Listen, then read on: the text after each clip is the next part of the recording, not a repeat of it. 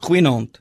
Wees 'n seën. Elke jaar met Kersfees wens gelowiges mekaar 'n geseënde Kersfees toe. Ons ontvang gereeld die seën van die Here as ons in die erediens is. En ons dank die Here vir die seëninge van elke dag. Ons bid ook vir die seën van die Here oor ons kinders, oor ons werk en oor ons toekoms.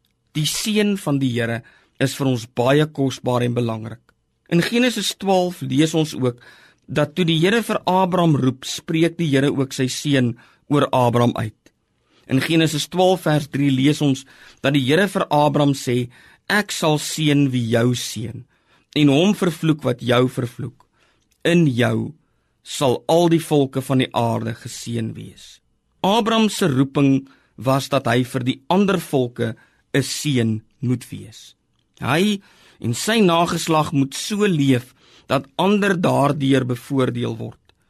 Abraham se optrede moes so wees dat die Here daardeur ander gelukkig sal maak. Aan die einde van die dag moet ons 'n bietjie nadink oor ons seën verander. Nie net seëninge toewens nie. Nie net seëninge ontvang nie, maar ons moet die seën wees verander. Soos Abraham moet ander mense ook deur my geseën word. Dink bietjie hoe die Here môre deur jou ander kan seën. Wees 'n seën. Ons bid saam. Onse God en Hemelse Vader, seën die wat aan die eind van die dag u seën in 'n besondere mate nodig het. Seën die wat ver van huis en vriende is, wat eensaam is as dit skemer word. Seën die wat foute begaan het en nou daaroor spyt voel. Seën die wat bedroef is en vir die wie die eensaamheid saans op sy ergste is. Seën die wat siek is en pyn verduur voor wie die nag lank en donker uitstrek. Seën die mense met wie ons elke dag saamwerk.